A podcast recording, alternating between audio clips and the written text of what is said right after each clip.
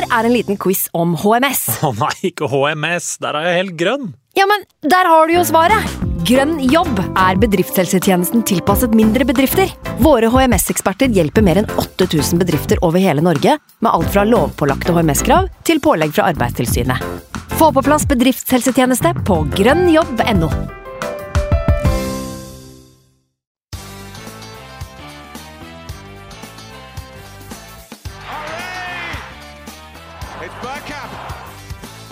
for grabs now! The next station is Arsenal.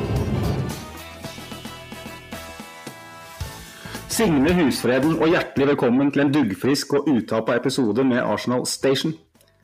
Den evige optimist, kaptein Simen Goffeng er ute i det blå med gode venner. Og jeg antar det er høy sjø og dertil dertilhørende gyngende grunn inne på Lugaren. Og mens han ruller rundt i jolla, er den negative halvdelen av Arsenal Station, nemlig meg, Magnus, som sitter bak spakene. Men fortvil ikke. I ordførerens fravær har vi fått særdeles kyndig bistand. Før vi avslører hvem som sitter rundt dette runde bord, vil jeg by på et lite historisk tilbakeblikk. I mai 2019 satt to velskapte mennesker under et tre i podkastverdenens versjon av Edens hage. Deres livsoppgave var å tråkke opp stien og sørge for en levedyktig bestand for denne aktuelle arten. Med friskt mot bega de seg ut på den vakre reisen. Men det kunne gått riktig galt umiddelbart. Et bitt av et forgifta eple en aften i Baku forvandla paradis til et helvete med dansende Chelsea-spillere og en bad evening. En av de verste eveningene. Men Henrik og Marius, som er hovedpersonen i denne historien, lot seg ikke affisere. Heldigvis. 107 episoder og et par podkastgenerasjoner senere kan vi trygt stadfeste at det lyktes i sin embete. To er blitt til fem, og arten er beviselig levedyktig. Både Simen og jeg, samt Andreas fra Arctic Gunnerpod, har siden sett dagens lys i det norsk-arsenalske norsk podkastmiljøet.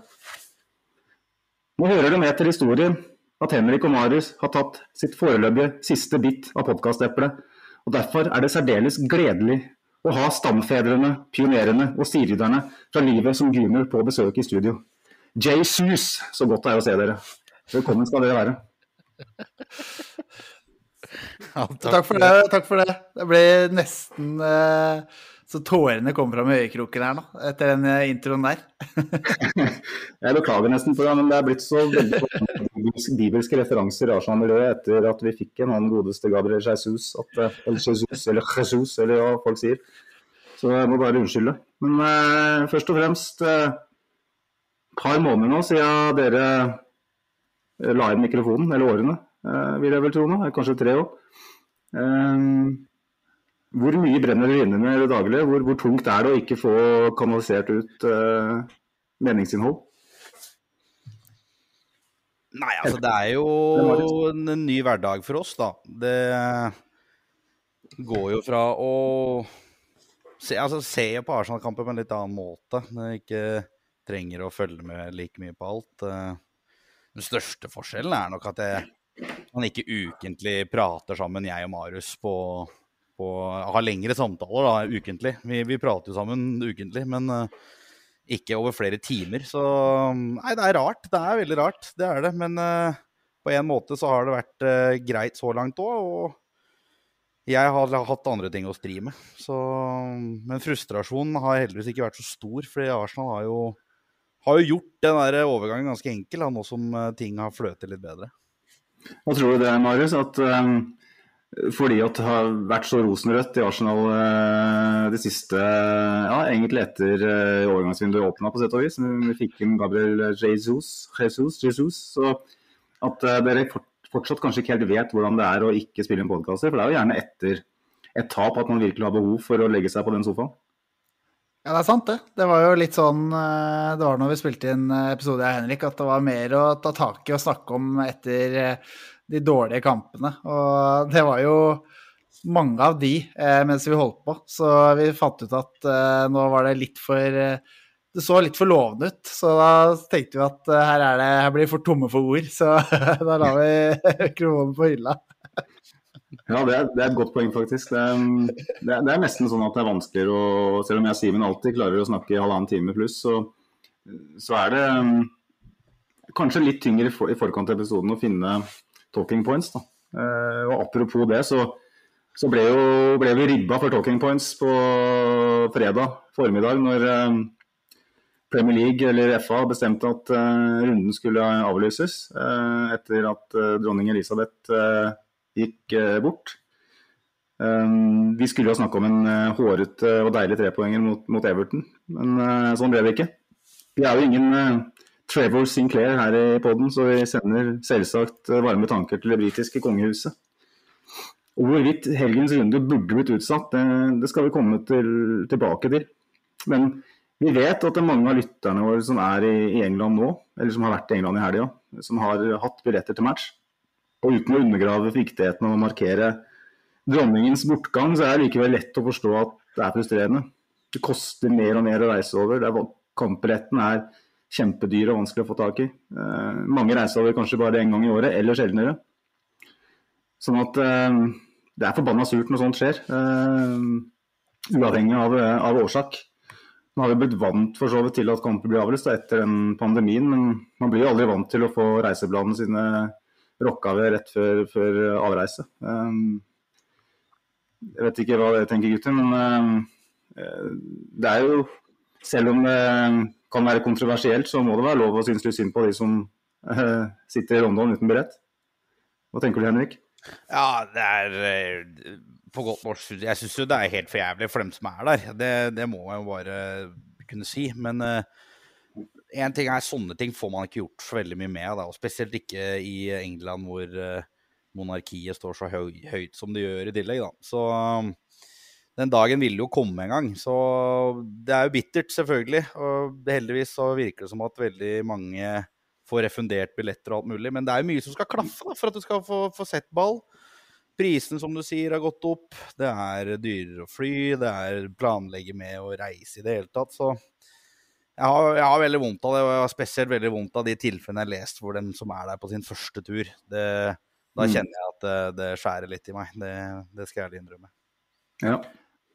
Ja, det er, veldig, det er veldig trist å høre på de som faktisk har tatt seg turen, og spesielt da første tur skal se på kamp, og så kommer det noe sånn i veien. Og det er jo selvfølgelig trist eh, at det dukker opp. Men jo, jeg har sett flere argumentert for at på en måte fotballen kunne hatt litt eh, hatt en litt sånn positiv effekt med å blitt spilt denne det her òg, hvis det på en måte Det er jo Får jo folk sammen og får virkelig folk til å tenke på noe annet. Eh, det, er, det er litt vanskelig å sette seg inn i. Som Henrik sier, så er jo eh, monarkiet står ganske så sterkt eh, på det som også er Balløya. Ja, Det er ikke sånn at det er en, en presedens her. Det er 70 år siden forrige gang en, en monark eh, avgikk med døden i, i Storbritannia. så Sånn sett så er det vanskelig å mene noe så, så altfor mye om det. Men eh, vi skal snakke litt mer om det etter hvert. Eh, før vi kommer i gang med den agendaen som vi ikke har, og den sendeplanen vi ikke har, så tenkte jeg skulle streife innom Arsenal Norway, som vi har et samarbeid med. Uh, og uh, jeg har nevnt Frynsegodene før, det har Simen gjort òg. Uh, vi nevner det igjen. Seks deilige, tettskrevne supportermagasiner fra The Gunners Post i året. Eh, du får muligheten til å søke på billett til PM-kamper, og det viser seg som rett og slett gull verdt i dagens uh, billettmarked, hvor mange betaler 8000 for å se Arsenal uh, spille mot Wolverhampton og sånn. Det er blitt helt tullete. Uh, du har 15% på fotballbutikk.no, og med de deilige draktene vi har, opptil flere, så sparer du inn det i løpet av et par kjøp der. så har du muligheten til å delta på events, sånn som årsmøtet vi hadde nå i London i forbindelse med Fulham-kampen var det vel, for et par uker tilbake. Så for 250 raske så, så er du medlem av den familien, og du får en frynsegoder som er verdt en del mer enn 250, eh, syns jeg. Eh, men eh, nok om det i dag. Vi har som sagt ingen agenda. Derfor går vi i gang. Kan vi egentlig bare fortsette der vi slapp, med den utsettelsen. Å mene noe særlig om det er vanskelig, men litt tilbake til det med med det å gjennomføre kamper, det, det har vel ikke blitt henvist til sikkerhetstiltak. Det er vel det som er det mest logiske man kan se for seg. Det er lett å på en måte stille seg bak at, at det er vanskelig å ha nok politifolk, rett og slett. Når eh, alle skal ned sortkledd ned til Buckingham Palace og, og vise sin respekt. Eh, I tillegg til at det skal spilles tre-fire matcher i hovedstaden, så, så, kan det bli vanskelig. Men eh, når det er sagt, hvis det ikke er en hindring, hva har dere på en måte, uten å på en måte tenke hva er presedens i et monarki, men sånn, fra et sånn praktisk perspektiv og sånn, hva, hva, tenker, hva tenker, du, Marius? Syns du det er ja, som mange sier, syns du det er litt sånn meningsløst å fjerne den arenaen som fotballen er, for å vise respekt og, for dronningen? Ja, jeg må jo være ærlig og si det, da. Så lenge på en måte sikkerheten er dekka, så syns jeg eh, det blir litt vanskelig å sette seg inn i hvordan eh, det er for britene selv, da. Men jeg eh, hadde jo blitt hadde følt meg litt snytt på en måte hvis jeg hadde vært en av de som hadde dratt til uh, og skulle sett kamp nå, og så er det det som er grunnen til at det ikke blir kamp, da. Mm. Det, det, må jeg si.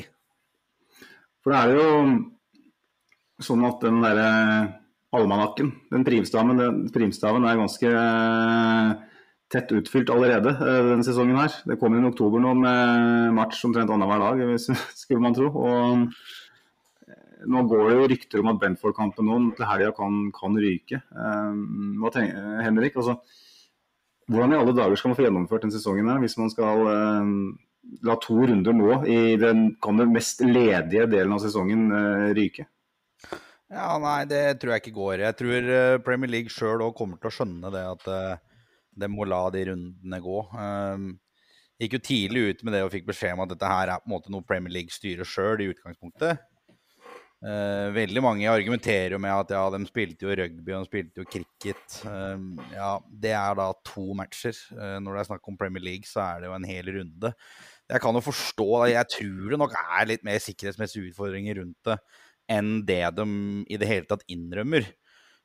og så lever man jo også i 2022, og det stilles litt høyere krav til sikkerhet. og jeg tror egentlig det er den eneste logiske forklaringa. Men hvis Premier League velger å utsette enda en runde, da Det kommer ikke til å gå, enkelt og greit. Det, det, det er jo da to matcher som skal fylles inn i et uh, aldeles tett program fra før. Og da tror jeg de får større problemer enn det som er nødvendig.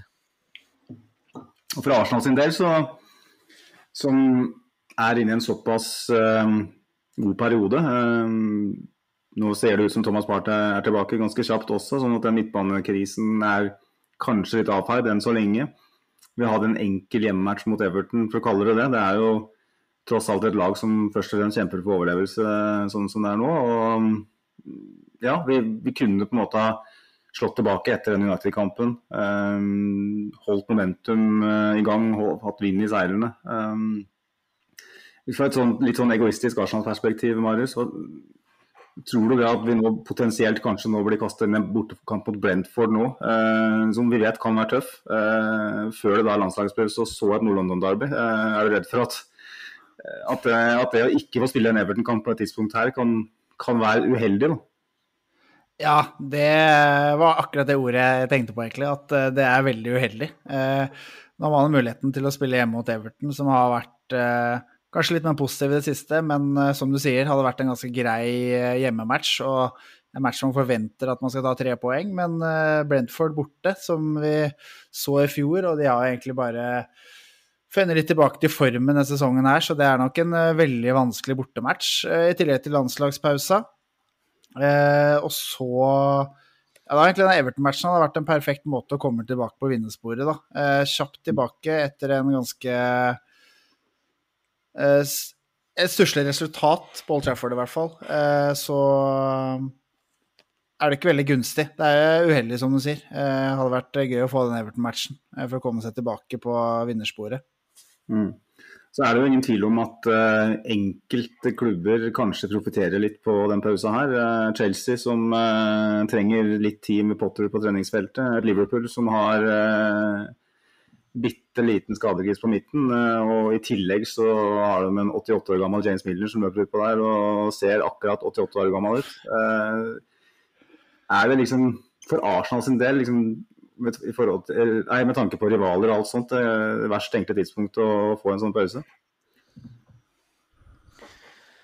Det er vanskelig å si, da. Eh, hvordan det, hvilken effekt denne pausen har. Eh, som du sier, party kan jo være noe Arsenal drar litt nytte av eh, når det kommer til en pause her. Samtidig som at det er et momentum de kanskje hadde hatt godt av å dra med seg inn mot Nord-London Derby. Men det er jo helt åpenbart at Chelsea Jeg tror ikke Chelsea drar noen fordeler av det, for den klubben der er en parodi fra før. Så det, drives på så ufattelig dårlig måte at uh, da må du ha pauke i to år, tror jeg, for at han er den nye han er nye amerikaneren skal få, få kustus på dette systemet der. Men uh, jeg tror det er vanskelig å se om, uh, om, det er noen andre som har mer får mer ut av det enn Arsenal. Uh, satser på at det ikke er det.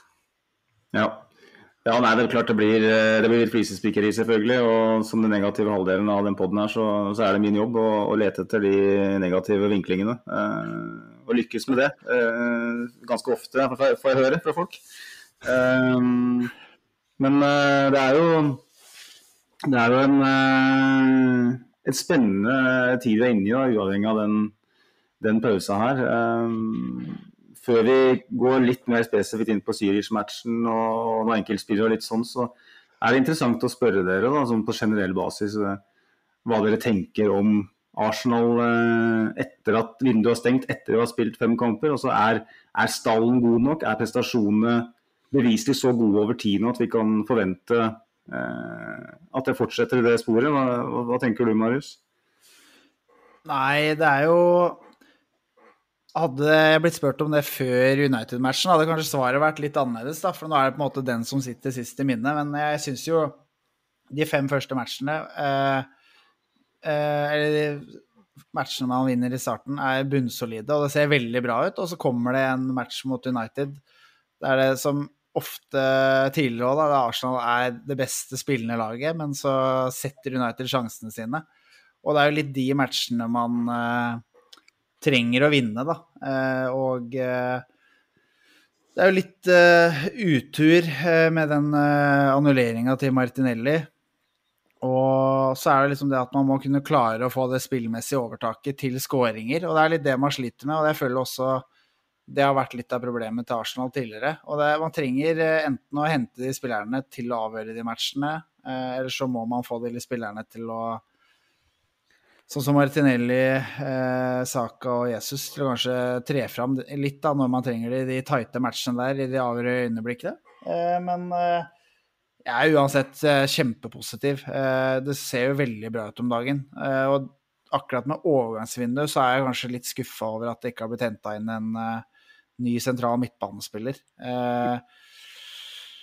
Jeg følte at der er man litt svake. Og selv om Party og Elneni nå er ute med skade Party er på vei tilbake, men at man er litt tynne der, da. Og jeg føler at man kan fort bli litt sårbare over en lang sesong. og som vi har nevnt, da, så er det et kjempetight program.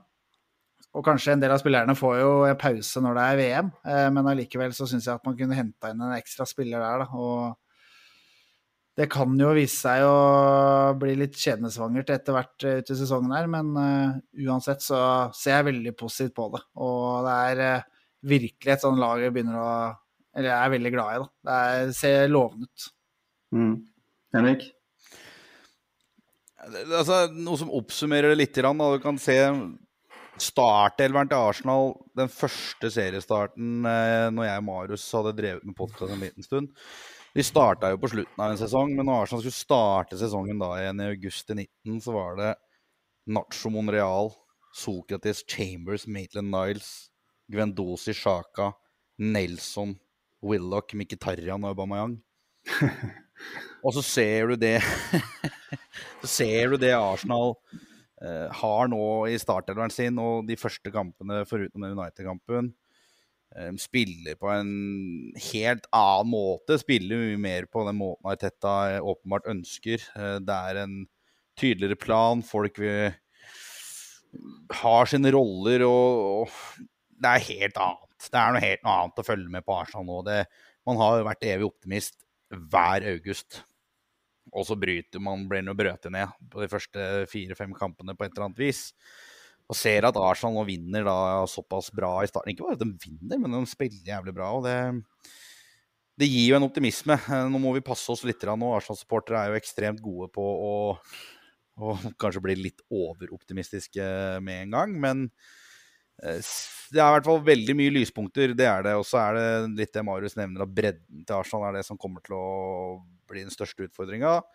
Skal si at jeg ble ganske skuffa over at de ikke gjør ett hen til eh, på slutten av markedet. Men uh, det er lett for meg å sitte på Hamar og si at ikke Arsenal får henta spillere. For jeg skjønner jo at det er verre enn som så.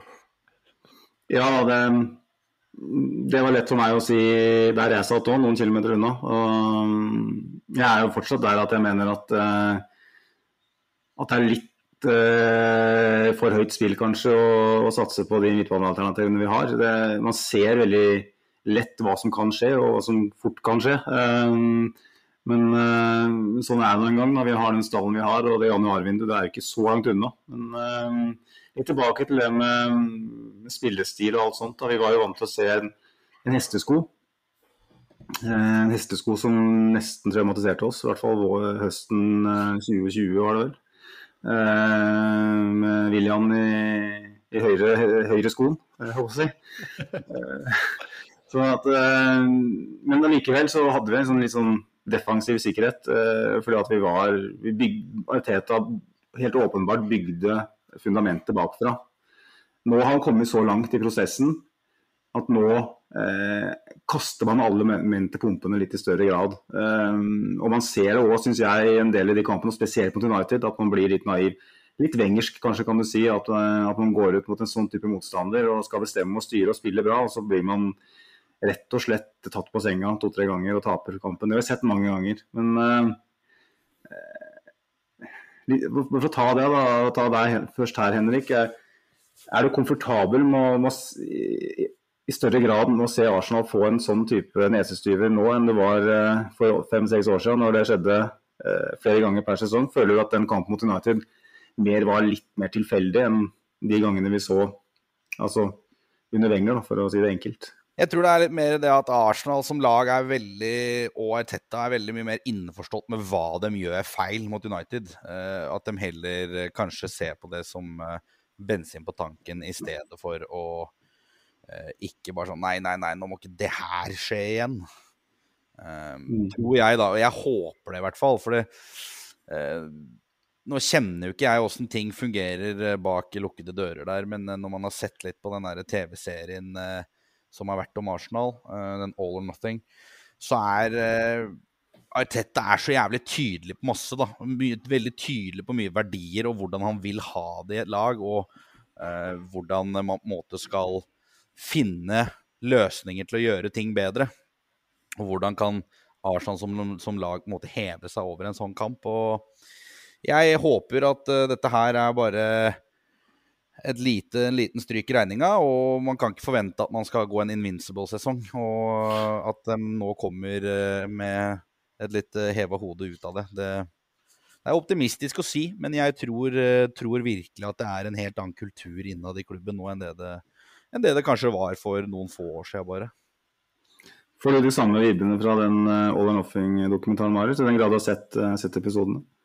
Ja, egentlig. Og så uh, tenker jeg jo at uh, en viktig faktor er eh, at det er et veldig ungt mannskap som ikke har Det er få av de som har vært i sånne perioder tidligere, som flere kamper på rad med seier, og så kommer det en match mot United da, hvor uh, man egentlig gjør det kjempebra uh, og blir litt naive etter hvert, men at det er jo sånn prosess man gjerne må bare igjennom for å Man får mer erfaring ut fra det og lærer seg litt hva man skal unngå senere. Og som eh, Det er jo et utrolig ungt mannskap, så man lærer jo av sine feil. Og ja, det er ikke mange av de spillerne som har vært i slike situasjoner tidligere. da. Det er jo det Marius sier der òg, og det må man bare legge til uten å avbryte. Men Arsenal har et jævlig ungt mannskap, og det er noe annet. Jeg tror at lærdommen fra en sånn kamp er helt annerledes med en tropp med den alderen enn når du har en gjennomsnittsalder på 29 og karer som har vært ute en vinternatt før. Så man må gjøre det riktig, men jeg tror at uh, man har mer utbytte av det med en så ung stall da, som det Arsenal har i disse dager. Og det, det bringer meg fint videre til, uh, til neste punkt på, på, den agendaen som vi ikke har. Det er jo uh, overgangsvinduet igjen. da. De poengene du tar opp her, eller begge, begge dere tar opp for så vidt, om at det er en ung stall, og at det er, det er spillere som er håndplukka på bakgrunn av personlige egenskaper der, i mye større grad enn tidligere, når det kanskje var litt mer tilfeldig. Litt mer latskap i, i den prosessen. Så har det kommet inn et par nye i, i sommer.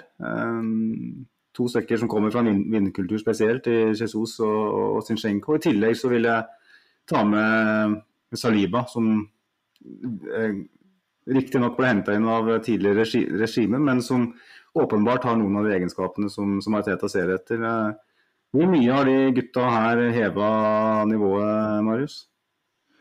Nei, de er, har jo hevet det enormt. Jeg syns jo Saliba har sett helt eh, enorm ut. Han eh, ser ut som en eh, Han er jo bare 21, men han har jo, når han har ball i bena, har så ro.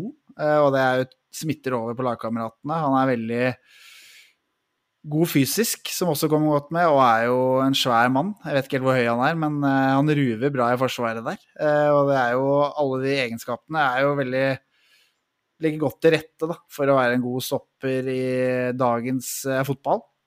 I tillegg til at han er utrolig god til å lese spillet og har gjort en veldig god sesongstart til nå. Mm. og Sinchenko og Jesus har jo også vært Ser ut som en fantastiske signerer. signeringer, rett og slett. Det er jo fått de ganske rimelig òg, syns jeg. Underprisa. Uh, men uh, Sinchenko har jo gått inn og eh, virkelig tatt den utfordringa med å benke Tierney. Det med storspillet han har hatt på starten av sesongen her, og Tierney kan ikke være skada, for da mister han i hvert fall plassen. Og Jesus også har kanskje Han har, har vært knallgod, absolutt. Kanskje noen flere målpoeng kan se fra han, men kan ikke forvente sånn altfor mye mer eh, så tidlig, tenker jeg. Og han kommer til å spille seg varmere og varmere, og det gjelder jo for så vidt eh, de to andre også. Eh, så jeg syns det ser utrolig lovende ut. Og det er jo noe annet med Jesus på topp enn Lacassette. Litt mer energi og samtidig bedre kvalitet på tingene han bidrar med. da.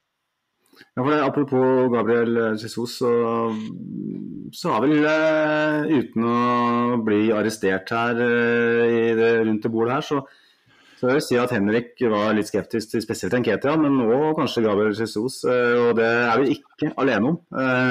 spesielt Enketia var det veldig mange som var skeptiske til. Og nå har det gått ganske mange måneder siden dere var på lufta, og enda lenger siden de mest kritiske røstene kom sånn sett. Er du, er du omvendt? Altså, jeg uh, Jesus han var jeg helt Han likte jeg ikke når han var i City, uh, på mange måter. Det var ikke sånn at jeg så alle kampene til City heller. Syns han var en sånn grinebiter. Positivt overraska over han er jo helt tydelig en spiller Arteta hadde lyst på. Da. Han har jobba med en før, passer jo veldig godt inn i Arteta-ball. Nketia han må nok overbevise meg litt mer. Det, der har jeg Jeg har måttet svelge noen kameler opp igjennom, det har jeg. Men jeg syns dog han ikke var noe 14 verdig i Arsenal. og det, jeg har fått noen, har fått noen uvenner av det sikkert òg. Men uh, Jesus er helt åpenbart en, uh, en kjempesignering, og jeg er positivt overraska over han. Jeg tror han bare kommer til å blomstre mer og mer under Arteta og kanskje får frem litt mer uh, Jeg tror han får en mye større rolle i Arsenal, og at han kommer til å bli mye bedre i Arsenal enn det han hadde blitt i City, og har vært i City. Jeg tror han kommer til å bli mye viktigere i Arsenal og forhåpentligvis uh, bare øke produksjonen sin. Jeg bare legge til uh, Først og fremst av Jesus. Jeg tror han trives mye bedre, som du sier, da, uh, i en litt viktigere rolle i Arsenal. Og har liksom fått den spissplassen til sin egen nå, da. Men jeg husker med Eddie. Vi var ikke veldig positive rundt nyttårstider. det husker jeg. Det var ganske Eh, det var ganske mye saging da. og jeg tror også selv Henrik tror jeg er enig i at eh, det han har vist siden, det er jo mye mer lovende eh, enn det vi trodde han hadde inni seg.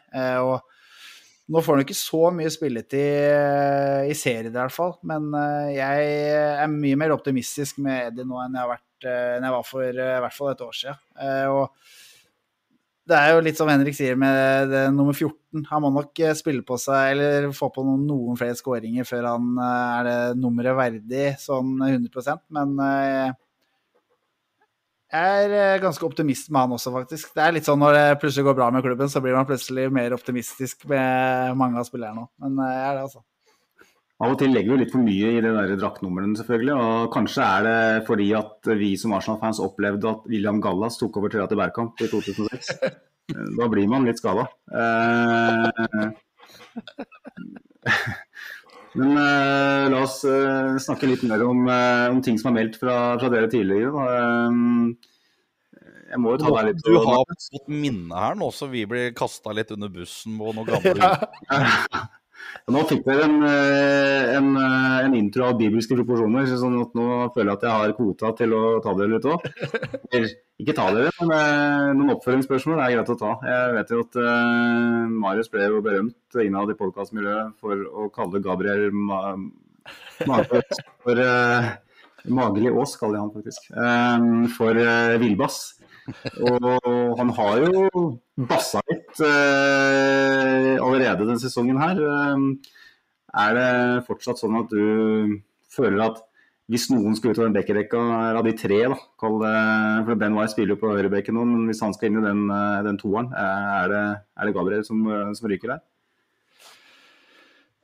Det jeg egentlig har landa litt på, er at jeg tror ikke jeg, jeg, tror Arteta ønsker såpass å ha en stopper som er venstrebent, sånn at Gabriel blir ganske freda pga. det. Men det er et godt spørsmål. Jeg syns jo Gabriel er en utrolig god stopper, eh, men har, han har litt sånn glimt av de villbasstaktene som gjør at man kanskje kan finne på noen rare ting i ny og ne. Så det har vært litt sånn Hvis den foten ikke har hatt så mye å si, så føler jeg at uh, det kunne vært ganske jevnt mellom uh, jeg, jeg, vil jo ha Saliba, for jeg syns han har gjort det veldig bra i starten nå. men at det er ikke så åpenbart mellom uh, hvem som skulle vært den andre stopperen der. Uh, men uh, som sagt, så nå som han er en klart Eller er venstrebente stopperen, så tror jeg ikke han ryker med det første. Altså. Jeg tror Arteta er veldig glad for å ha han som den venstrebente der. Mm. Og det er jo en sånn et sånt klima vi bør ha òg i en så sentral rolle. Uh, Helt klart. Ha en sånn type konkurranse og en sånn type dekning. Eh, og Det har vi ikke andre steder på banen eh, nødvendigvis. Og det vi ser der, det er veldig sunt. Men eh, Henrik, vi har jo nevnt Saliba her, og jeg har jo nærmest eh, gått fra konsepten eh, i denne podkasten her for å rose Saliba. Er du, Sogner du også til Saliba-kirka etter den starten her?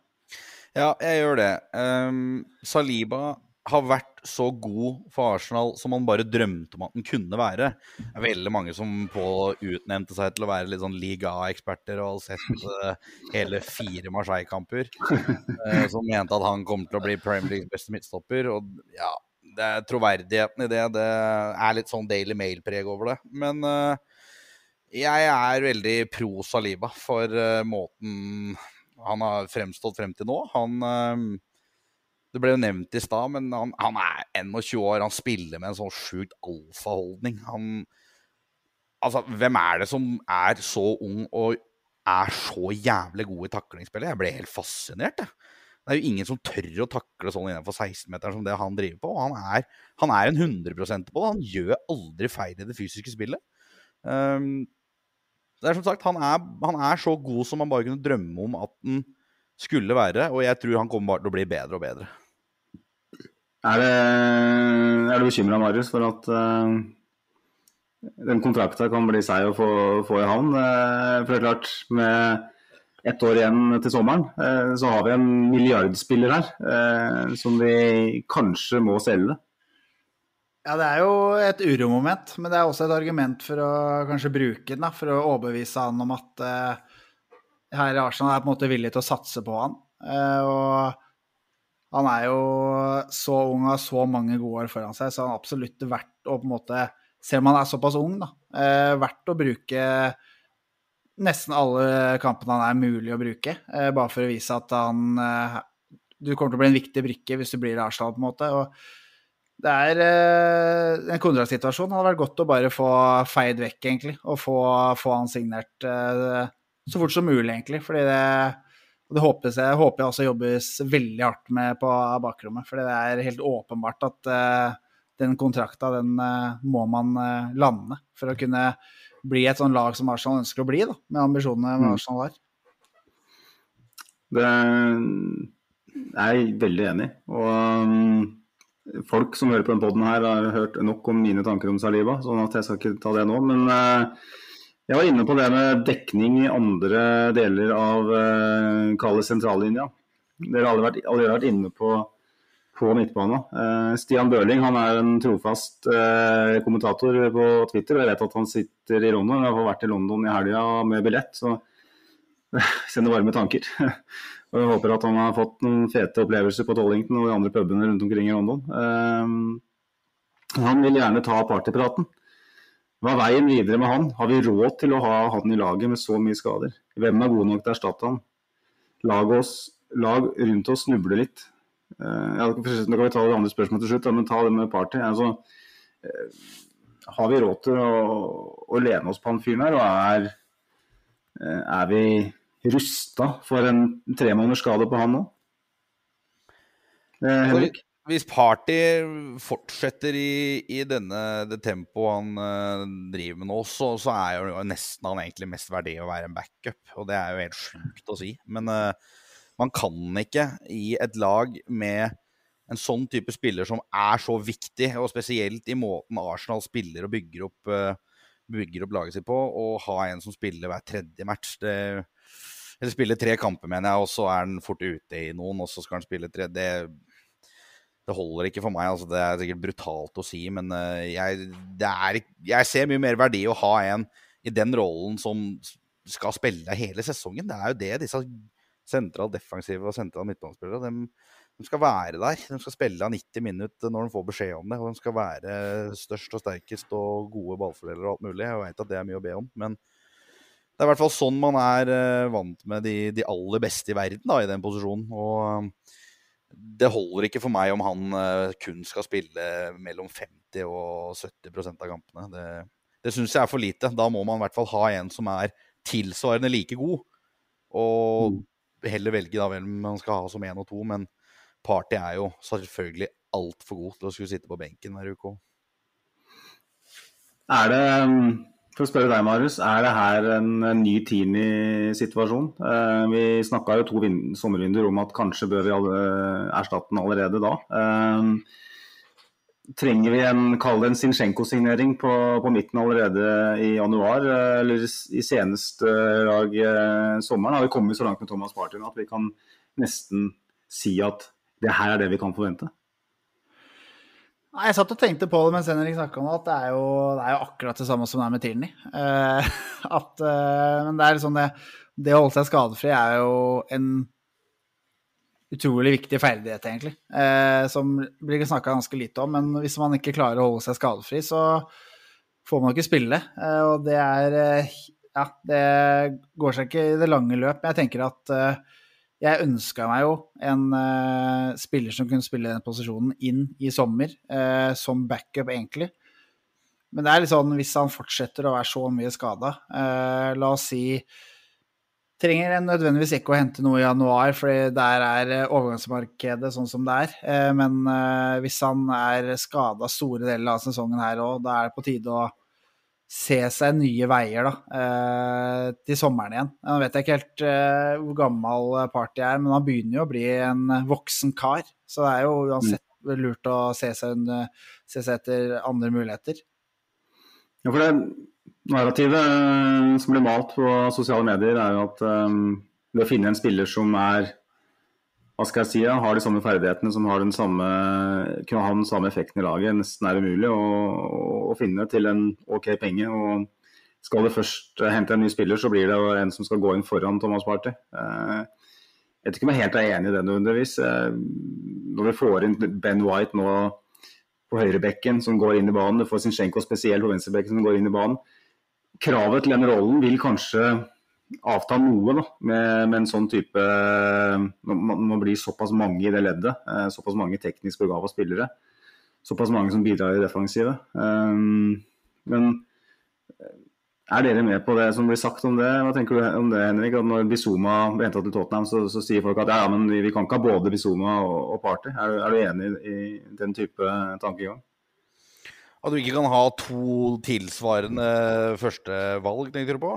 Ja, for det, er er det som ble, gjerne ble sagt, og vi har jo det i andre roller. Så det er litt sånn Hvorfor kan vi ikke finne en som er god nok i den partyrollen? Er det sånn at det er så vanskelig?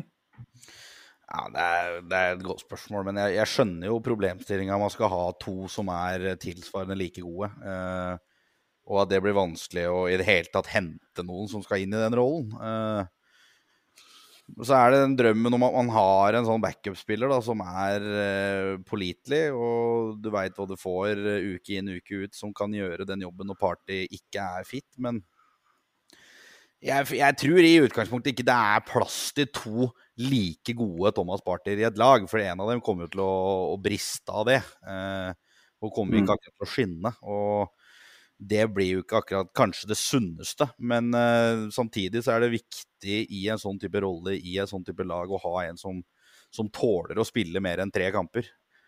Og um, jeg syns partydiskusjonen er jævla vanskelig, ass, fordi han viser jo takter og viser hvor viktig han kan være, men uh, jeg er ikke helt fornøyd med det at uh, han er så skadeprega. Og jeg har elska Tini fra dag én. Men jeg, den kjærligheten har på en måte gått litt mer over til kjærlighetssorg, og nå driver vi jobber litt med på å, å, sette det til side. For det er en spiller jeg skjønner ikke kommer til å få så veldig mye mer minnet for Arsenal. For det er, det er et problem som bare kommer til å vedvare. og mm. Jeg håper ikke det blir så stort for Party, men om det gjør det, så må man gjøre noe med det før det er ja, gåsetegn for seint. Ja, det er jo det som er det vanskelige for meg, er jo at uh, hvor lenge skal man vente, da? Uh, lenge, og som Stian er inne på i spørsmålet sitt, hvor lenge har man råd til å vente? Ja. Men I all Kirin Team så venta vi altfor lenge. Uh, det var to sesonger som ble delvis Jeg legger to tjukke streker under delvis ødelagt av, av, at han var ute i den definerende delen av sesongen. Både sesongen i fjor og den før. så forsvant han akkurat når vi trengte den som mest. Og Thomas Party skjedde jo akkurat det samme i fjor. Um, man kan jo bare spekulere i hva som ville skjedd hvis han ikke hadde blitt skada i den Palace-matchen, men jeg, jeg, er ganske sikker på at det hadde vært topp fire. Uh, og, hvis vi havner i den situasjonen igjen til våren, at han ikke er tilgjengelig nok til at vi klarer, eller når det målet vi har satt oss, da, da agerer man for sent. Uh, nå har man allerede fått to sesonger med Thomas Partey, og man har sett på en måte hva, hva det er. og igjen det, det, er så vanskelig òg, på en måte. For han har jo blitt hasta litt tilbake noen ganger, spesielt i fjor. Kom jo rett fra flyet inn i den Liverpool-kampen og fikk rødt kort. og nesten sånn hinka inn fra Heathrow, og bare sparka ned en Liverpool-spiller og rett ut igjen. og Bare å ta flyet tilbake til Ghana et par uker på sofaen. Eh, og så hadde han en Palace-match nå, så kom han rett fra landslagsoppdrag. Så eh, en liten del av meg tenker jo at kanskje handler det òg litt om måten han blir brukt på. da. Eh, så sier jo selvfølgelig Arteta at det er en kronisk skade. Eh, sånn at det er vanskelig å mene for mye, men eh, vi kan ikke gå i den samme fella igjen. for at det, det kan bli i verste fall Artetas bane på en måte, hvis han fortsetter å gå i de fellene der, eller, eller Edus bane. Det kan man liks, likså vel si. da. Men høyre kant er jo òg en annen posisjon hvor hvor kanskje mange føler at vi burde ha hatt inn en spiller, eller kan godt si at vi trengte en angriper, da, men det er gjerne Saka som blir nevnt som den spilleren som ikke har naturlig dekning. Um, Fleskspurven på Twitter han spør um, Fint navn. Han har ikke Tottenham-bakgrunn på noe vis, og det er jeg glad for å høre. Hva ville dere gjort hvis Saka ble skada nå? Markinios rett inn, eller Jesus på kant og Edin på topp? Det er syns jeg er et interessant uh, spørsmål. Uh, hva tenker du her, Henrik? Uh, altså Alternativene er jo ikke nødvendigvis så store når det kommer til posisjonen på høyrekanten her. Uh, belastninga som man belager seg på at Saka tåler, er jo helt vill, sånn i utgangspunktet. Henter ikke inn noen der, dog litt skuffende. Han spiller jo alt av kamper. Eh, spilt landslaget i fjor, kommer til å gjøre det i år også. Så belastninga på saka den er stor. Den er, den er veldig stor. I år så er det jo Europa i tillegg. Slik at der burde man jo hatt et eh, litt bedre andre alternativ. For uh, Marquinhos han ser ut som en interessant spiller, det. For, for all del.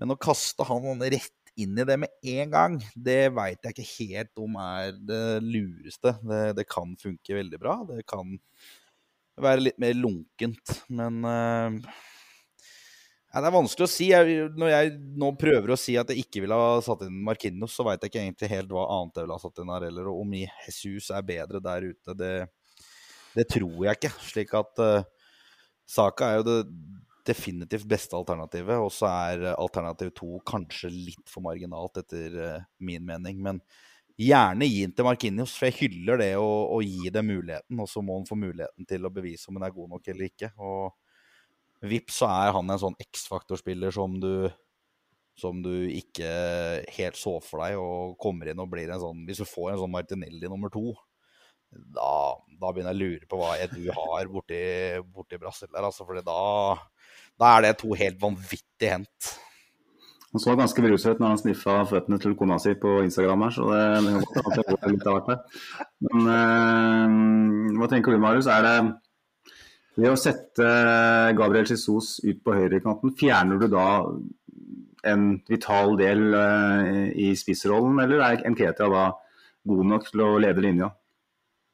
Nei, jeg tenker jo at uh, siden man har satsa på Eddie som en backup, så tenker man at han er skal være god nok da, til å komme inn der. Eh, og så er jo eh, med Martinelli, Jesus og Eddie eh, som de tre offensive, så er man jo ganske fleksible på at de kan på en måte rullere underveis i kampene. Så jeg tror sånn eh, isolert sett så tror jeg det kunne fungert ikke like bra, for man mister jo mye med saka uansett.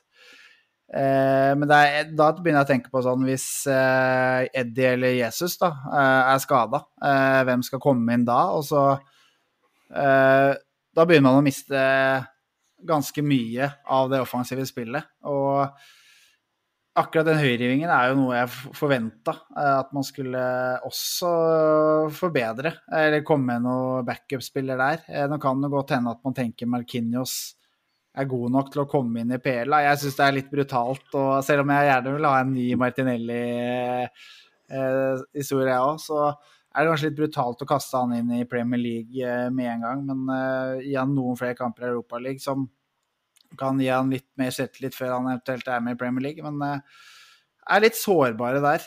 Og sånn som jeg syns Martinelli når han har vært på høyreving, det har ikke vært noe særlig hit i det hele tatt heller tidligere sesonger. Og så er man litt sårbare, rett og slett. For å sette på litt melankolsk musikk og litt dunkel belysning eh, og snakke litt om eh, Emil Smith-Roe. da. for det er jo litt den stemningen her under dagen. Åpenbar kandidat til de aller fleste offensive roller. Men i likhet med et par av de nevnte herrer, ikke i stand til å holde seg skadefri over tid. Uten at de nødvendigvis kjenner årsaken til hvorfor.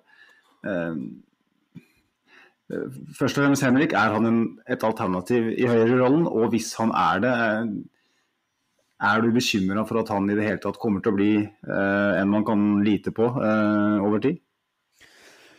Jeg eh, syns at eh, Smith-Roe kan være et eh, alternativ på en høyreving eh, i en kort periode. Det er nok ikke der han eh, er på sitt aller beste, det er det ikke. Men eh, ja, jeg, jeg, tror at han kan uh, gjøre sine bidrag der. Men uh, det, er, det, er, på en måte ikke en sånn ønska førstevalg, da. Uh, om man har får en skade på en, en spiller som Saka. føler du i et Arsenal-lag og med den typen sak er at du er litt avhengig av å få inn en som er litt av det samme. litt den derre som kan gjøre mye sjøl. hurtig til beins. kan både ta returjobben og ikke minst være god én mot én. Um, Smith Roe har de egenskapene, han også, men uh, jeg tror ikke man skal lite på det at han skal uh, konvertere over til å bli en ren høyreving, for det, der tror jeg ikke du får det beste ut av den. Smith Roe han, han, han uh, var jo den nye Wien for nøyaktig et år siden. Og han kom inn omtrent i samtlige matcher og, og skåra. og da snakka vi han, om han som en, en tier, nesten, eh, sånn på sikt. Eh, vi snakka om at han var et bedre alternativ enn Martin Ødegaard. Og så sitter vi med et år historie i, her og ser at uh, Vi skal ikke konkludere med noe som helst, så skal man være forsiktig med fotball, men man ser jo at at det å ta den type ansvar eh, kan være tungt for Smith-Joe, uavhengig om han er skadefri. Eh, kanskje litt mer enn spilleren som eksploderer litt i omstillingsfasen. Ikke den som nødvendigvis står og, bearbeider og maler og, og holder kula i gang. Eh, men jeg, jeg, tenker jo samtidig at Smith-Joe er en sånn type spiller som jeg tror lett får kjemi med andre spillere. Han er veldig eh, sånn telepatisk nærmest, i, kjapt med andre spillere. Så det med Saka, vi har, vi har sett det med andre spillere. så det med Lacassette. Jeg tror jo kanskje han kan finne, finne en rolle der sammen med en Gabriel Jesus, som er litt samme typen sånn sett. Eh, med Martin Ødegaard som trekker ut mot, mot høyre. Eh, tenker du, Marius, er det, er det liv laga for eh, Emil på, på høyrekanten? Nei, sånn i utgangspunktet så tenkte jeg at uh, kanskje det mest sånn uh, naturlige hadde vært å bytte Martinelli ute på høyre og Smith Roe på venstre, kanskje. Men uh, når jeg tenker meg om, så mister man kanskje ganske mye av Martinelli med å bytte ut han på høyre. Men en uh, Smith Roe som kan være litt Litt sånn, ikke nødvendigvis den bredeste høyrevingen, så ikke helt likt som Saka, men som trekker litt inn i bana, tror jeg kunne ha fungert egentlig ganske bra. Men da trenger man også en, en en ganske offensiv høyreback, mener jeg, da, som mm. holder bredden litt.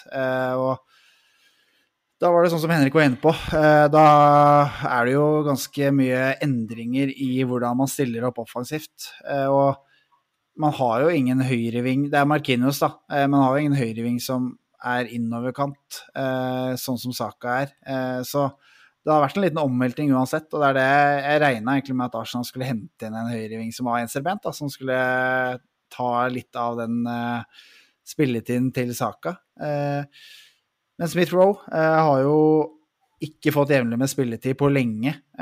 og som du sier, så han virker som en spiller som matcher ganske mange andre og kan være lett å spille med. så jeg tror, tror, det kunne vært noe som hadde fungert, men da måtte man på en måte kompensert med noe annet. og det hadde vært interessant å se. men ja. Ja, for det, det, er, det, du nevner med, med en offensiv back der, syns jeg er interessant. og da, da, er det naturlig å spørre seg om en Smith Rowe som da trekker inn i samme rom som Martin Ødegaard, ville vært et problem. Uh, så jeg tror nok at, at jeg ville ha kjørt Martinelli på høyre da, uh, og Smith Rowe på venstre, hvis, det hadde vært, uh, hvis han havna i en situasjon. Men sånn generelt sett så tenker jeg at Smith Rowe er en såpass anvendelig type som passer såpass godt inn i den spillestilen at, eh, at, du kan sette den nesten hvor som helst. Hvis han er i form, så vil han iallfall bidra, men spørsmålet er jo hvilke kamptyper. For han, han, slår meg ikke som den spiller som eh, ja, eh, nødvendigvis er den som eh, står og maler og bearbeider eller tar tak i kampen. Det er når ting flyter og man kanskje spiller mer på omstilling, da er han helt ekstrem. Da er han kanskje den beste spilleren vi har. På, det er helt ekstremt når han setter i gang og bare slår 1-2. Eh, kommer i boks. Eh, måten han kan avslutte i steget, måten han kan kjøre éntouch på og kombinere med andre. Eh, så det er trist da, at, eh, at, vi sitter her et år etter eh, at vi lo av Aston Villa sin 40 millioner pund-bud. Så sitter vi og tenker at kanskje burde vi ha, kanskje burde vi ha sagt ja, men det er for tidlig å si det selvfølgelig. men det er, det er litt, litt, sånn bekymringsverdig. Um, vi må litt grann videre. Jeg tenker, jeg tenker, vi skal ta et lite segment på slutten om rivalene våre, for jeg tenker det kan bli gøyalt. For det er noen eh, klovnebusser som driver og durer rundt, eh, rundt Trafalgar Square om dagen. Og, og, rett og slett det bare detter ut klovner og elefanter og alt som er. Og det er et helvete sirkus. Men eh, før det så tenker jeg vi skal ta lite sånn eh, tilbakeblikk på den eh, Zürich-matchen. For det er jo faktisk en kamp å snakke om her. Uh, det blir ikke mange minutter der. Kanskje to, kanskje tre, kanskje elleve. Men Marius, du så den kampen, eller? Jeg gjorde det. Hva, hva satte du igjen med etter, etter, det?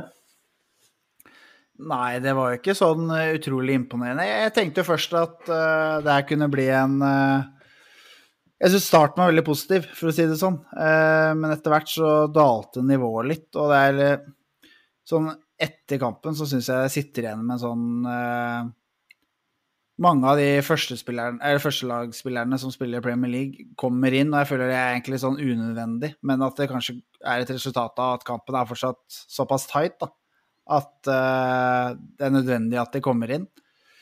Og jeg er jo glad for at man er tilbake i Europa, og så, akkurat som med Europaligaen, så er jo det en fin arena for de spillerne som ikke spiller Premier League, å vise seg fram. Men jeg syns ikke det var så mange som trakk seg fram med positive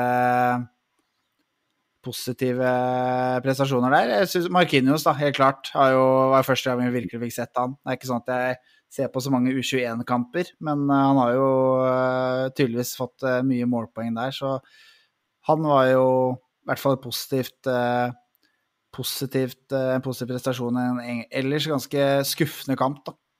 Mm.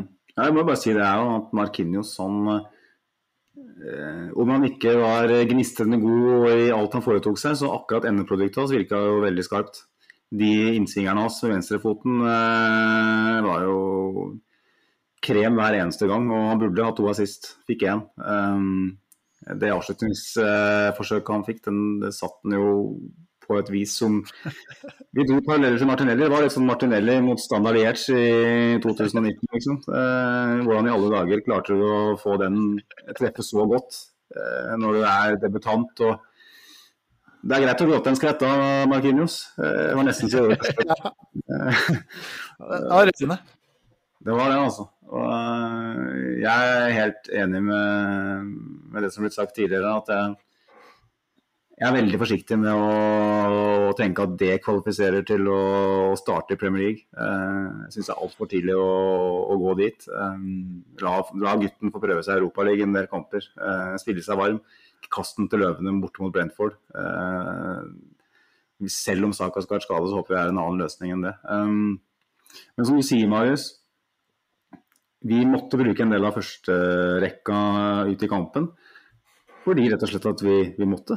Eh, det ble hårete. Det her er vel eh, det laget som, i gruppa som på papiret er enklest, iallfall. Og som òg prestasjonsmessig om dagen er enklest. De ligger vel nest sist i, i sveitsisk eliteserie, eh, mener jeg har.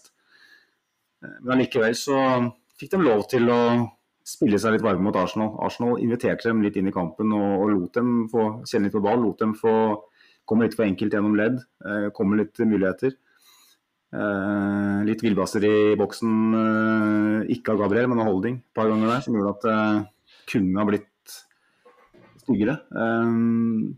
men hva tenker du, Henrik? Er det her liksom et, Det er litt tidlig å si, men er du bekymra for, for, at vi litt for ofte må hente inn de der kanongutta for, for, å redde inn det europalagkampene? Vi har jo tross alt en ganske en Europaligastand, en ganske tøff gruppe. Eh, like tøff som Champions League-gruppa til Tottenham, nesten, eh, vil enkelte hevde. Eh, som har en agenda. Altså, Jeg håper jo ikke det, da. Eh, jeg håper jo at Arsenal, eh, litt på samme måte som sist de var i Europa, klarer å, å finne på en måte et sånn europaligalag som er mer enn bra nok til å hevde seg i den gruppa der. Men Zürich, det har jeg ikke så veldig mye formening om også det er å spille der, men kan, jeg kan banne på det at det er ikke noe gøy å komme ned til Nederland og skal spille borte mot PSV. Det er en heksegryte.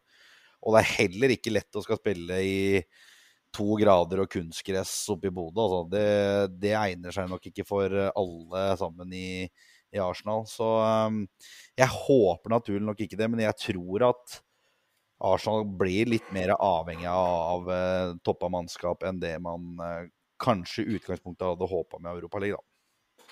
Mm. Yes. Um, før vi går videre, så tenker jeg uh, vi skal ta med et innspill til vi har fått på Twitter. Fra Ja, ikke sant? Kjempebra planlagt her, som vanlig. Um, vi fikk en eh, Jo, fra Fleskspurven igjen, som uh, var inne og bidro. Uh, veldig bra. I dag har det vært litt glissent i, kommentarfeltet. Kanskje har folk andre ting for denne helga her. Kanskje har de benyttet anledning til å gjøre noe annet enn å se fotball. Det kan man jo forstå. Um, men han spør rett og slett burde vi hente en bedre reservekeeper. Kan ikke i mine 30 år som fan av Arsenal huske en dårligere reservekeeper i farta. Bare før jeg gir eh, ordet til dere gutta, så må jeg bare si det at det er mye fint å si om deg, flest men hukommelsen din kan ikke være all verden. For Runar Runarsson han er bare et par år tilbake. Og Matt Turner har ganske mange tramp i klaveret igjen og tråkk i salatbollen før han kan komme på det nivået. Men utover det så tenker jeg det er lov å være litt bekymra basert på den prestasjonen eh, mot, eh, mot eh, Syric. Eh, Marius, er du bekymra for at Matt Turner kanskje har en vei å gå før han kan gå inn og erstatte en eh, skade av Ramsay, hvis det verste skulle skje? Ja, jeg må jo si det at det er ganske Krise er jo Kan ikke si det, men han ser ikke veldig lovende ut. Og når man allerede er inne og sammenlignes med Runarsson, så er det dårlig, det er dårlig tegn. Men uh, ja, han, han, ser ikke sånn veldig lovende ut eh, enn så lenge, men det er vanskelig for en andre keeper å spille seg så god også. Eh, men jeg, skal ikke si det sånn at hvis Ramster blir skada, da da kommer jeg til å sitte med hjertet i halsen. Eh, de kampene han må inn og, han må inn og opptre i Premier League der, og man trenger tre poeng for å komme seg til Champions League. Jeg har jo sett eh, et par sesonger av Heia Tufte. Eh, for de som husker den. Eh, hvor Erik Thorstvedt henta inn en haug med folk som aldri har sett en ball før. Eh, og keeperprestasjonene til Runarsson var jo Det var nesten så han ikke kan komme inn på det laget. Men Matt Turner, Henrik, hvor mye har du sett av han i preseason? Eventuelt hva har du hørt? Er det sånn at du òg er litt redd for at man har gått på en Runarsson der? altså, jeg har ikke sett uh, noen ting, for så vidt. Uh, og jeg fikk jo heller ikke sett uh, hele den Zürich-kampen. Men hva skulle du forvente? Henter en 28 år gammel keeper fra en bedriftsliga i USA. Det er jo Du kan ikke akkurat forvente at du får det best heller, da. Ja, det er en kul signering fordi han hater Tottenham og heier på Arsenal. Det er greit, det, men når du er 28 år, så er du, du er jo ikke noe talent lenger heller, på en måte. Så store spørsmålstegn rundt den signeringa. Det, det, har jeg hatt lenge. og ja, det Runarsson kan du nevne. Må jo ikke glemme å ha Vito Manå nå. Back in the days. Han var ikke akkurat noe gullhanske, han heller. Og det var jo heller ikke Almunia, selv om han endte opp med førstekeeper et par år. Så dårlige keepere har vi jo hatt litt tradisjon med å ha i tillegg, da. Vært på, på backup. Men uh, om Turner er den dårligste, det veit jeg ikke. Og jeg tror jo naturlig nok at det er litt nerver inne i bildet òg, da. Blir kasta litt inn i mm. det. Kommer som sagt fra en liga som er pryda av uh, folk som er bra på 3000, og, og gamle stjerner som har bikka 30. Og noen nordmenn som ikke når helt opp i Eliteserien.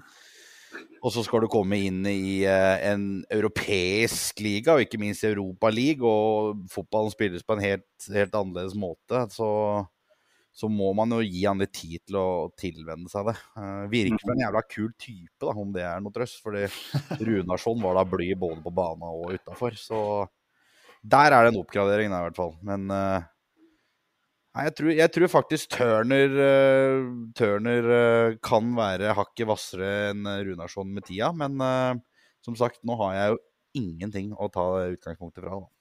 Nei. Men hvis jeg bare kan få legge til det, så tror jeg også at en stor grunn til at man henter han, da, er også pga. det markedsmessige. At det er jo ganske mange i USA det er mange fans der, så det er mye man kan hente sånn sett òg. Jeg håper ikke det spiller for stor rolle når man på en måte skal hente inn en keeper som får sp mye spilletid, eller komme inn som backup og får en del spilletid i Europaligaen osv. Men jeg tror det også er en faktor, da. Eh, og at det er faktisk amerikanske eiere i, som i Arsenal.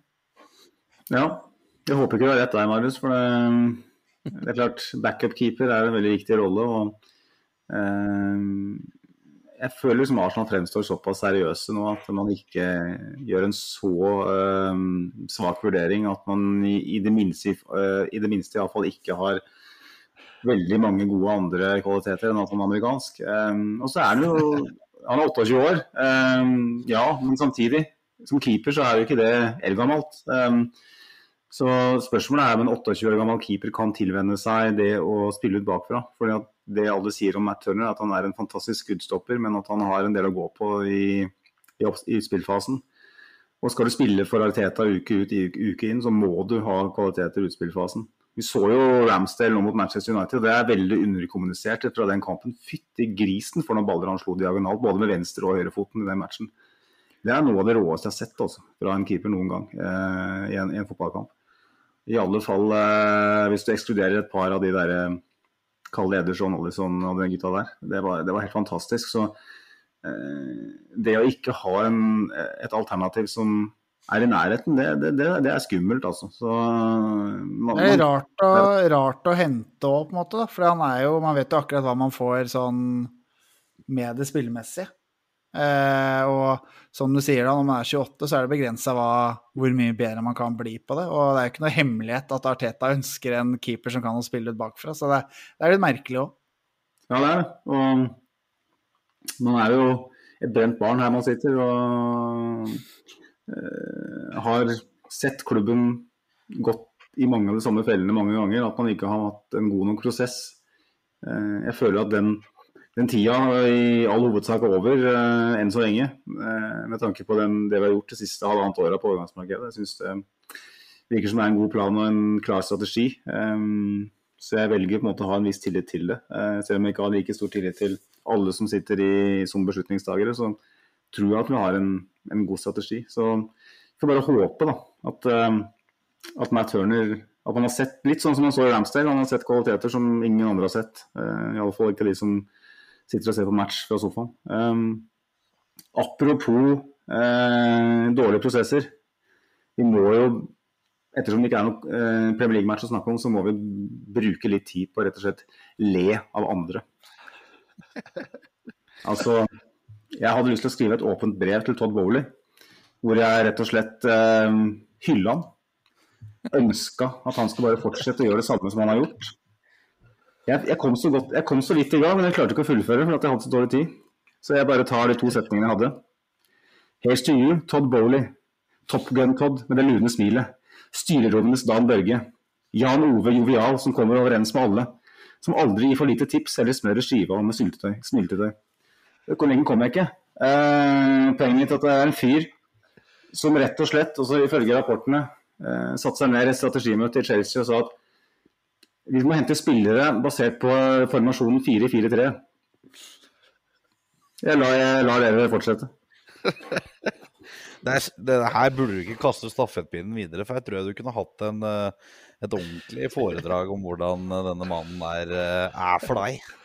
Jeg skal fortsette.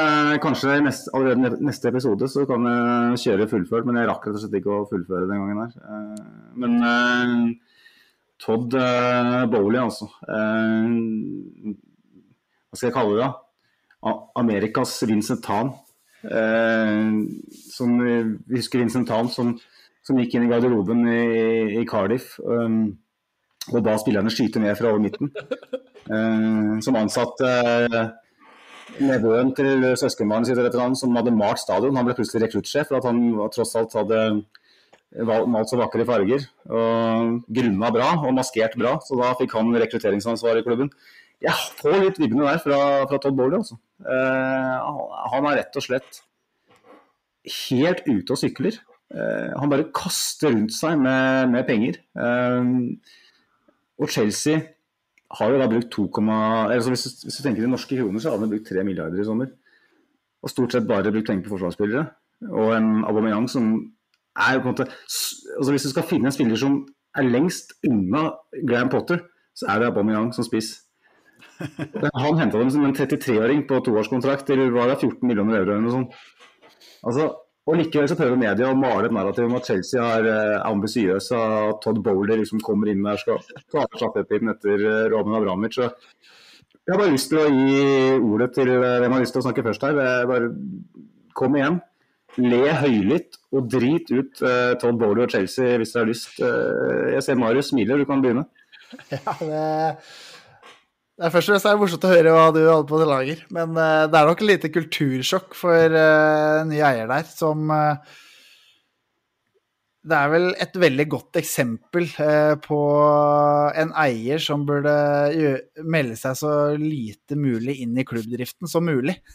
han burde ansette folk som vet hva de driver med, for han har tydeligvis ikke peiling. Eh, og det ble vel Tussel fikk vel sparken fordi det skulle være litt mer langsiktig planlegging. Og det er ingenting som tyder på at det har vært fokus før han faktisk fikk sparken. Eh, det har jo vært et overgangsvindu med Ja, det har vært, eh, det har vært mange signeringer.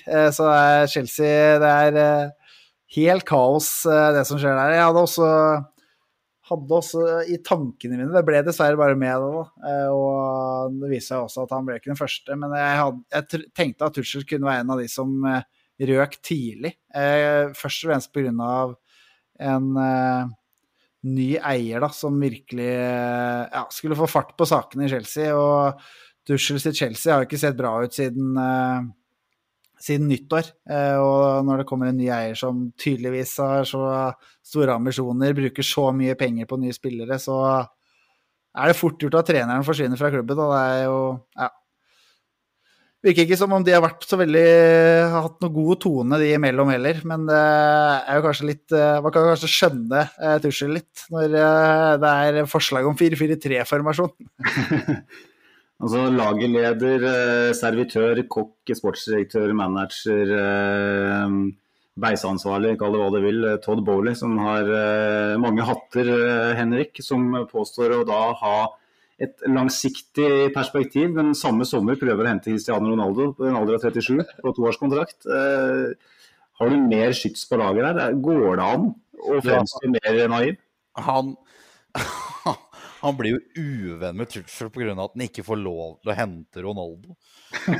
Der kommer den på feil fot. Altså, det, det, går ikke an å finne opp en mer amerikansk eier enn det. det han, han, kaller det garantert for soccer når han er på Stamford Bridge. Han er jo sportsdirektør, og er selvutnevnt sportsdirektør.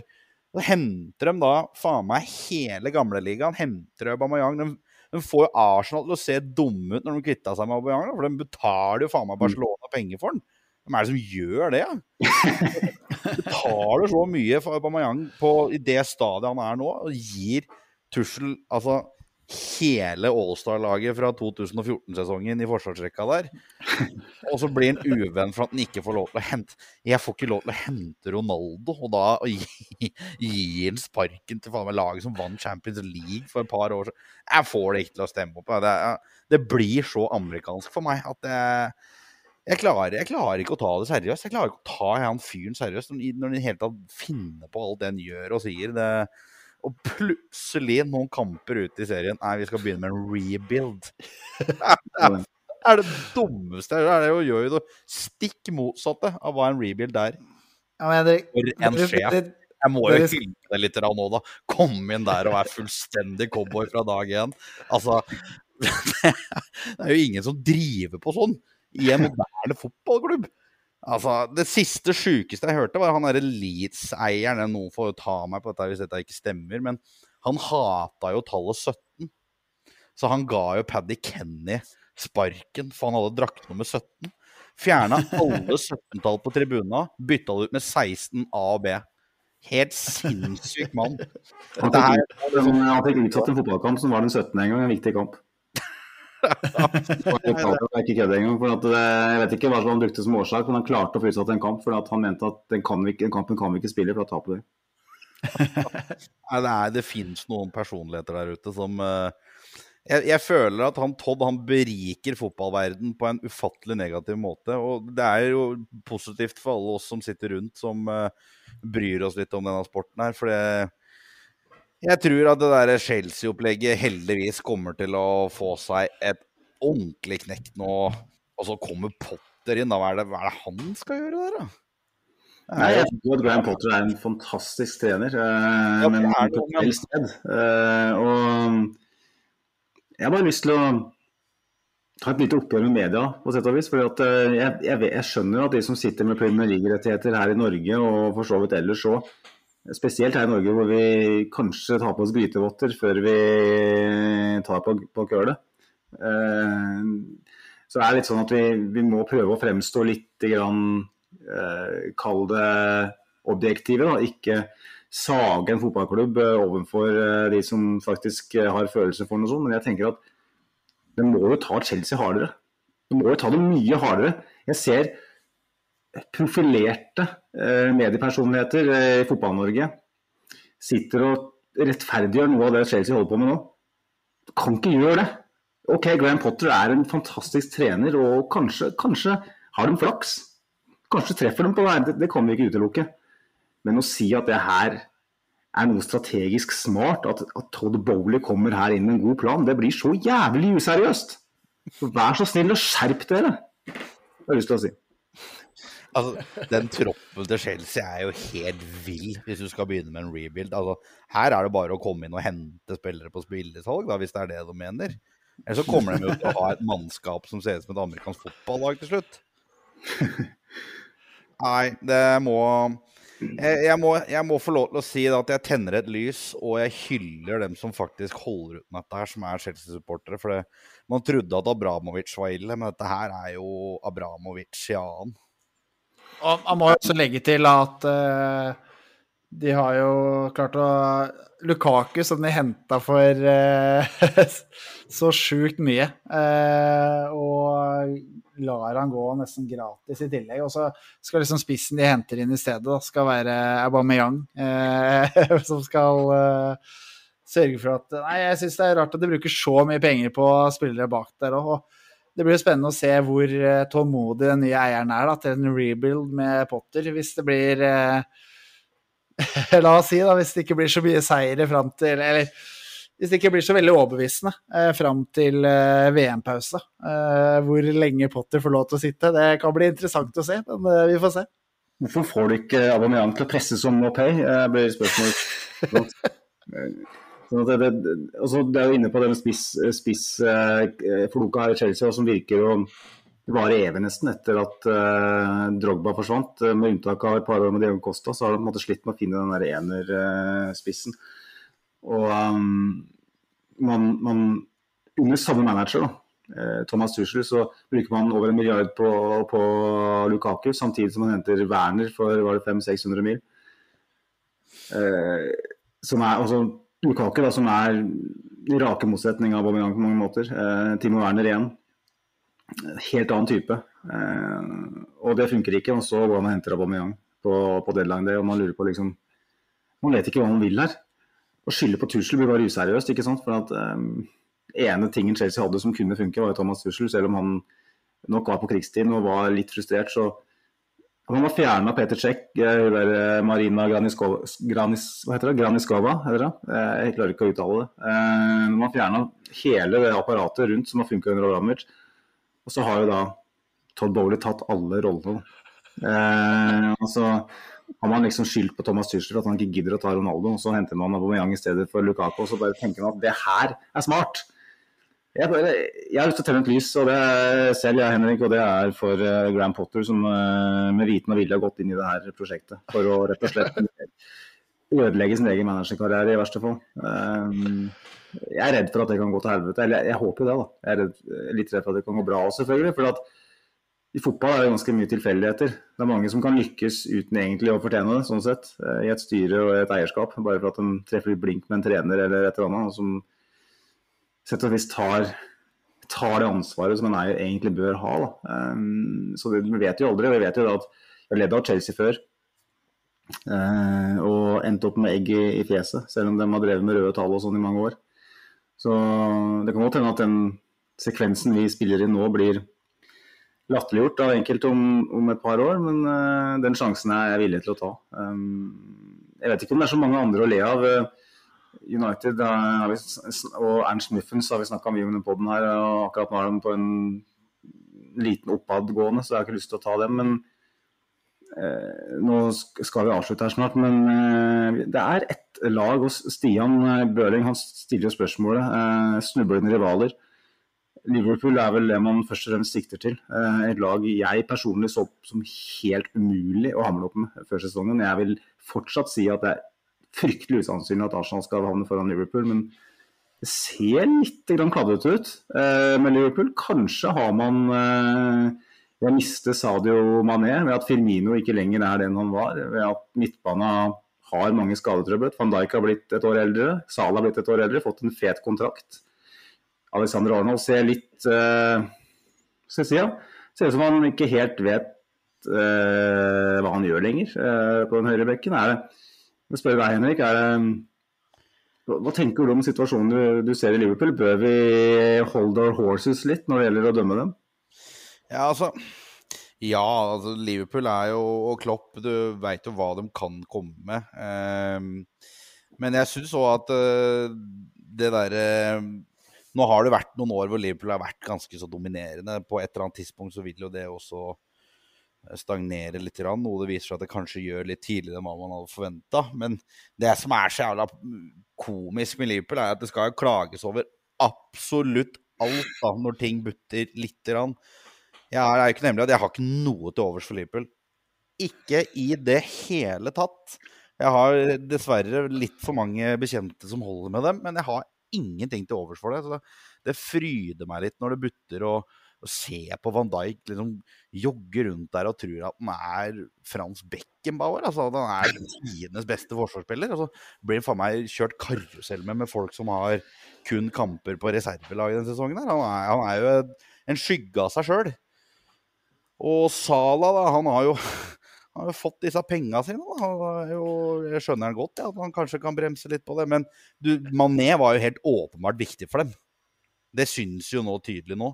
Men det skal mm. aldri Jeg tør ikke å si for mye, for da får jeg det så jævlig i retur. Fordi Arsenal mot Liverpool, det er ingen dans på roser. Da skal vel Jota ut og skåre to igjen. Ja. Jævla Jota skårer alltid mot Arsenal. Det irriterer meg. Men um, man skal være litt forsiktig. Litt tidlig ute. Det er ikke like ille der som det det er i Chelsea. Der har de jo en Klopp som uh, ikke skal kritiseres på noe som helst måte for å bruke for mye penger. I hvert fall ikke på overganger. Um, og så kan vi heller bare håpe at uh, spillere som Milner og Henderson, som er langt på overtid fra før, nå endelig faktisk uh, går ut på dato. Ja, det er jo noen som uh, sier at Liverpool har driver litt rådrift med, med nøkkelspilleren sin eh, over lang tid. og Den fjorårssesongen var det største maratonløpet de har vært igjennom. Med finaler i samtlige cupturneringer og spenning til siste serierunde om seriegullet. Endte de bare opp med det er litt som Arsenal-supporter skal være forsiktig å si at den er bare ligacupen og FA-cupen. Men et, et, sånt lag har ambisjoner om å vinne Champions League og Premier League og taper jo på målstreka i begge turneringer. Eh, er du, hva tenker du, Marius? Eh, var det litt sånn som man er ute og jogger? Eh, så løper man kanskje en mil, og så er det en 100 meter, og så plutselig så bare dør du. For at du, for at du vet at det er 100 meter igjen. Men når hjernen, hjernen er litt sånn uh, spissfindig sånn sett, er du Tror du at, uh, at den Liverpool-dongen kan ha, ha sprekke litt nå? At, at Klopp-kjøret kan ha på en måte blitt, har ført til en type slitasje nå over tid at, at det er en mulighet i hvert fall, for at, at Liverpool ikke slår tilbake på den måten vi forventer? Nei, det er jo Det er vel som man sier den beryktede sjuende sesongen til Klopp. Men uh, sånn som det er nå, da, så er det De har, eller, har solgt man ned. Eh, og på topp da så sitter man igjen med Sala, som Han må jo stoppe å produsere så bra som han har gjort, han også. Det kommer jo formduppe på han også. og de formduppene han har hatt tidligere, så har jo plutselig eh, Mané vært der i stedet. Og de har, ut, de har utfylt seg hverandre ganske bra der. Eh, Diaz på vingen har jo Han kom jo inn i fjor og det er jo noe helt annet å komme inn i et lag som fungerer så bra. Eh, og han gjorde det på en måte litt for bra fra starten av, kanskje. Eh, og da får man jo gjerne forventningene som, eh, som tilsvarer det. Men det er noe helt annet når laget er som nå, da. Eh, og så er det jo Firmino, er jo ikke helt den samme som han var tidligere. Og så skal Darwin komme inn på topp i stedet. Og så har de jo en del skader på midten, da. Så det, er på en måte det som er hovedgrunnen til at jeg ikke vil avskrive Liverpool. er at uh, Milner eh, på midten der, det ser, det ser, grusomt ut, rett og slett. Så han kan ikke få for mange minutter. Og sånn som Trent, da, det ser jo ikke veldig bra ut, de der videoene fra matchen mot Napoli der. Han står helt stille og sett en del sånne videoer der liksom er PlayStation-kontrollen som går tom for batteriet. da, fordi Trent står jo bare helt stille og, står jo bare stille og ser på. Så jeg, jeg, tror nok Liverpool kommer til å komme sterkere tilbake, men Jeg er litt usikker på hvor sterkt, da. Det er jo uh, Det er jo Har mista noen sentrale spillere. Spillere blir eldre, og de har fornya seg ganske lite, egentlig. Og jeg er usikker på om Arthur Melo skal være mannen som kommer inn og får øh, skuta på rett kjør igjen. Sånn Mm. helt øh, opp med sitt igjen. Ja. Nei, men jeg tror vi er ganske enige. altså. Jeg skal være forsiktig med å, melde noe som helst, sånn sett. Eh, Men det, ser jo litt lovende ut. da. Og Stian stiller jo da spørsmålet. Eh, Bør vi sikte, eller bør sikte og sikte? Er det, er det mulig med andre slash eh, tredjeplass? Og spørsmålet er vel egentlig da, er det mulig med andreplass, for det er jo mange som mener at tredjeplass er mulig. Eh, Henrik? Jeg tør ikke å håpe for mye, men eh, topp fire er jo i hvert fall innenfor rekkevidde. Og så har du har du han amerikaneren som driver med noe karriere på Stamford Bridge.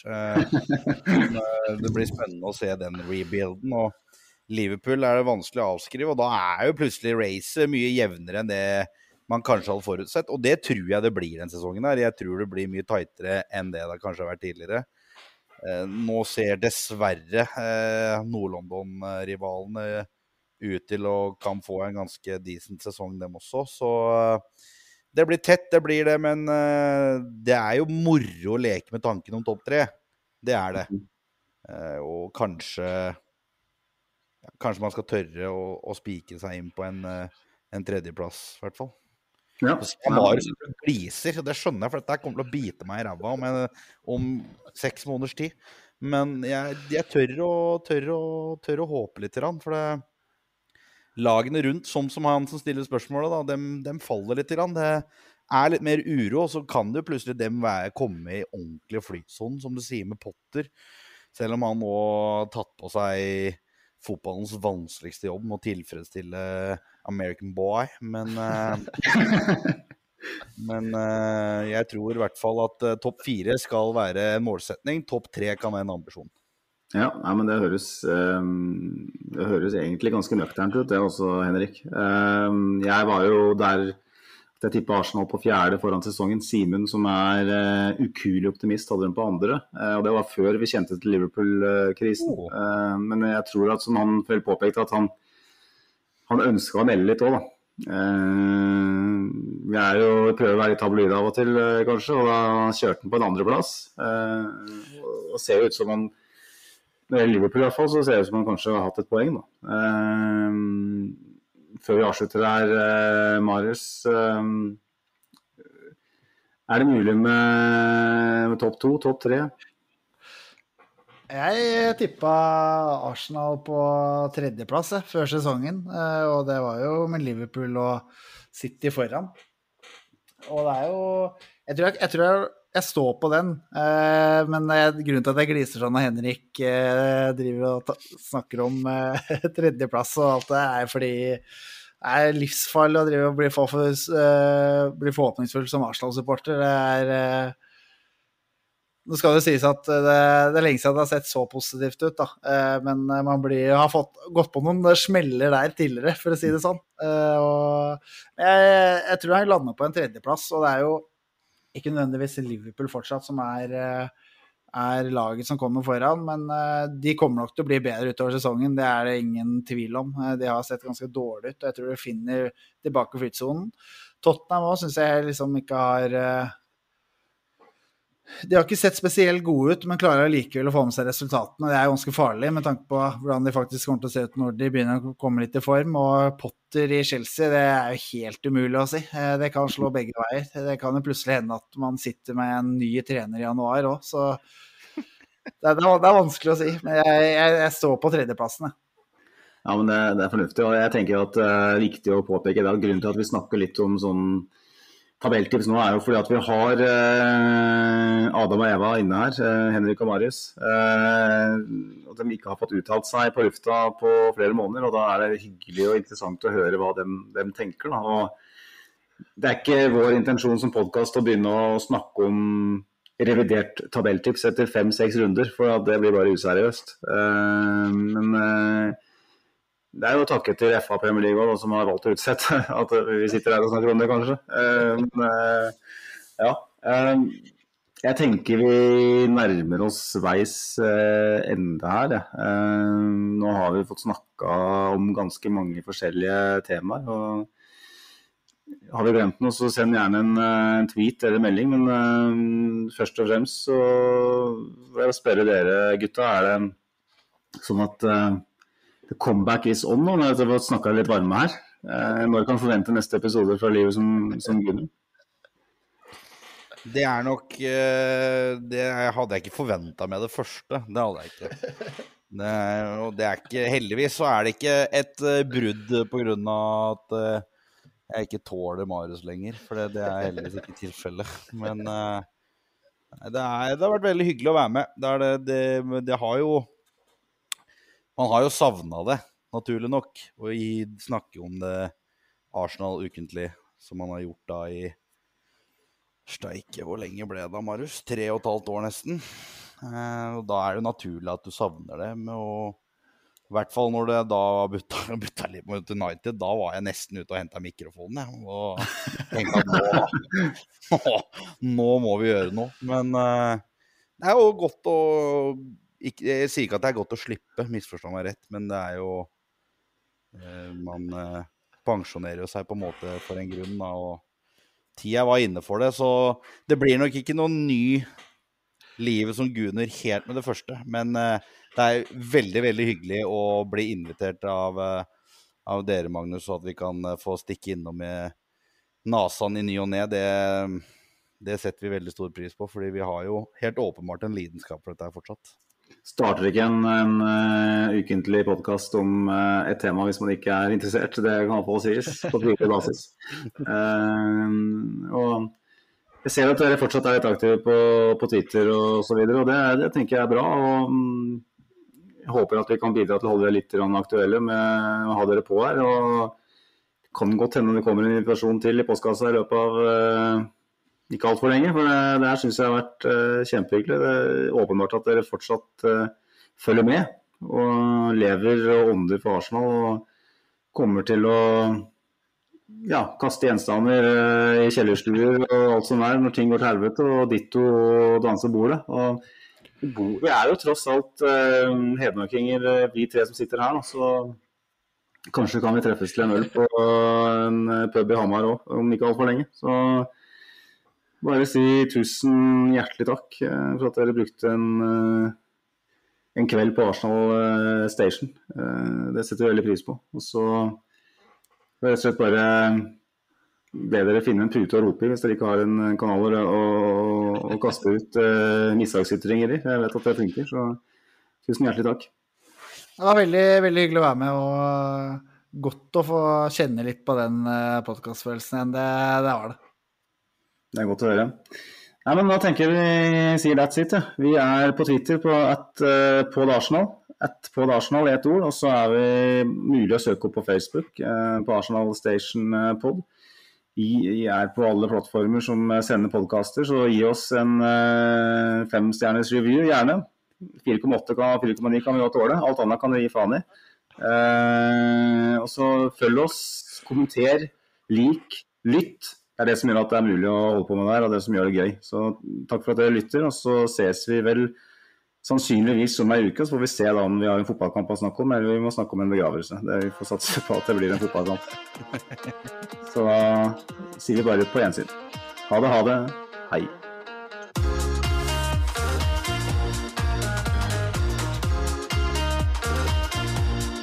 This train terminates here.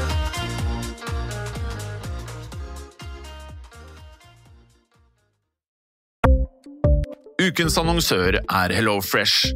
HelloFresh er verdens ledende matkasseleverandør og kan være redningen i en travel hverdag. Mange av oss har nok vandret i butikken både sultne og uten en plan for middagen, som ender med at vi går for de samme kjedelige rettene gang på gang. Middag burde være dagens høydepunkt. Som HelloFresh kan du nå velge mellom 25 ulike retter hver eneste uke, eller få HelloFresh til å sette sammen menyen for deg. Dette gir deg muligheten til å prøve nye og spennende retter alene eller sammen med familien. Du velger antall porsjoner og får alt levert på døren på et tidspunkt som passer for deg. Oppskriftene er enkle, og maten er lett å lage både for store og for små. Ved å få alt levert hjem får du også mer tid til å dele matgleden med familie og venner. Kanskje det frister med asiatiske tacos eller greskinspirert kylling? Da kan jeg anbefale deg om å gå inn på hellofresh.no. Her kan du bruke koden FOTBALL og få opptil 1779 kroner i rabatt på de første fem matkastene hvis du ikke har prøvd Hello Fresh tidligere. Du kan også bruke rabatten hvis du har vært kunde og stoppet abonnementet ditt for tolv måneder siden eller lengre. Gå inn på hellofresh.no og bruk koden FOTBALL. Har du et enkeltpersonforetak eller en liten bedrift? Da er du sikkert lei av å høre meg snakke om hvor enkelt det er med kvitteringer og bilag i fiken, så vi eh, gir oss her, vi. Fordi vi liker enkelt. Fiken superenkelt regnskap.